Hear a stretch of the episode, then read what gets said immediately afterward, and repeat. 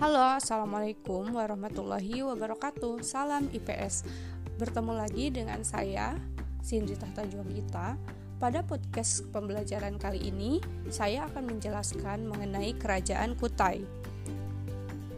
Zaman sejarah Indonesia dimulai sejak adanya penemuan tertulis di daerah Kutai.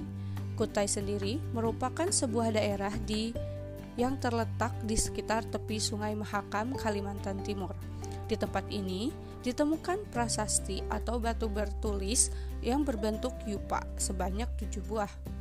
Yupa adalah tugu bertulis yang dibuat sebagai peringatan upacara kurban. Yupa biasanya digunakan untuk menambatkan hewan yang akan dijadikan kurban. Semua yupa yang tersusun dalam bentuk syair yang menggunakan tulisan Palawa dengan bahasa Sangsekerta.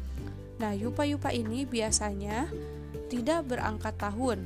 Oleh sebab itu, para ahli menentukan bahwa usia Yupa ini adalah sekitar tahun 400 Masehi atau awal abad kelima.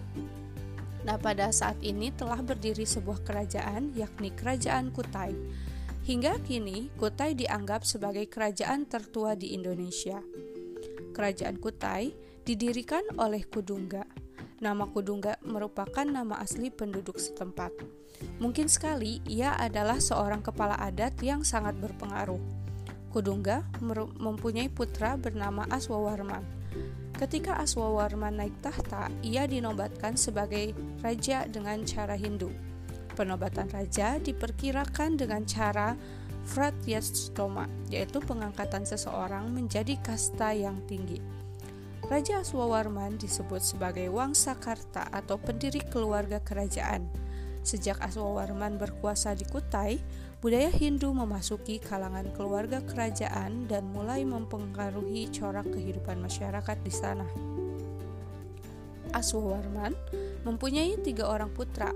Putra yang paling terkemuka ialah Mula, Mulawarman pada sebuah yupa diterangkan bahwa Raja Mulawarman adalah raja yang mulia dan terkemuka yang telah memberi sedekah sebanyak 20.000 ekor sapi kepada para brahmana di tanah suci Waprakeswara atau tanah suci yang ditinggikan untuk menyembah dewa Shiva.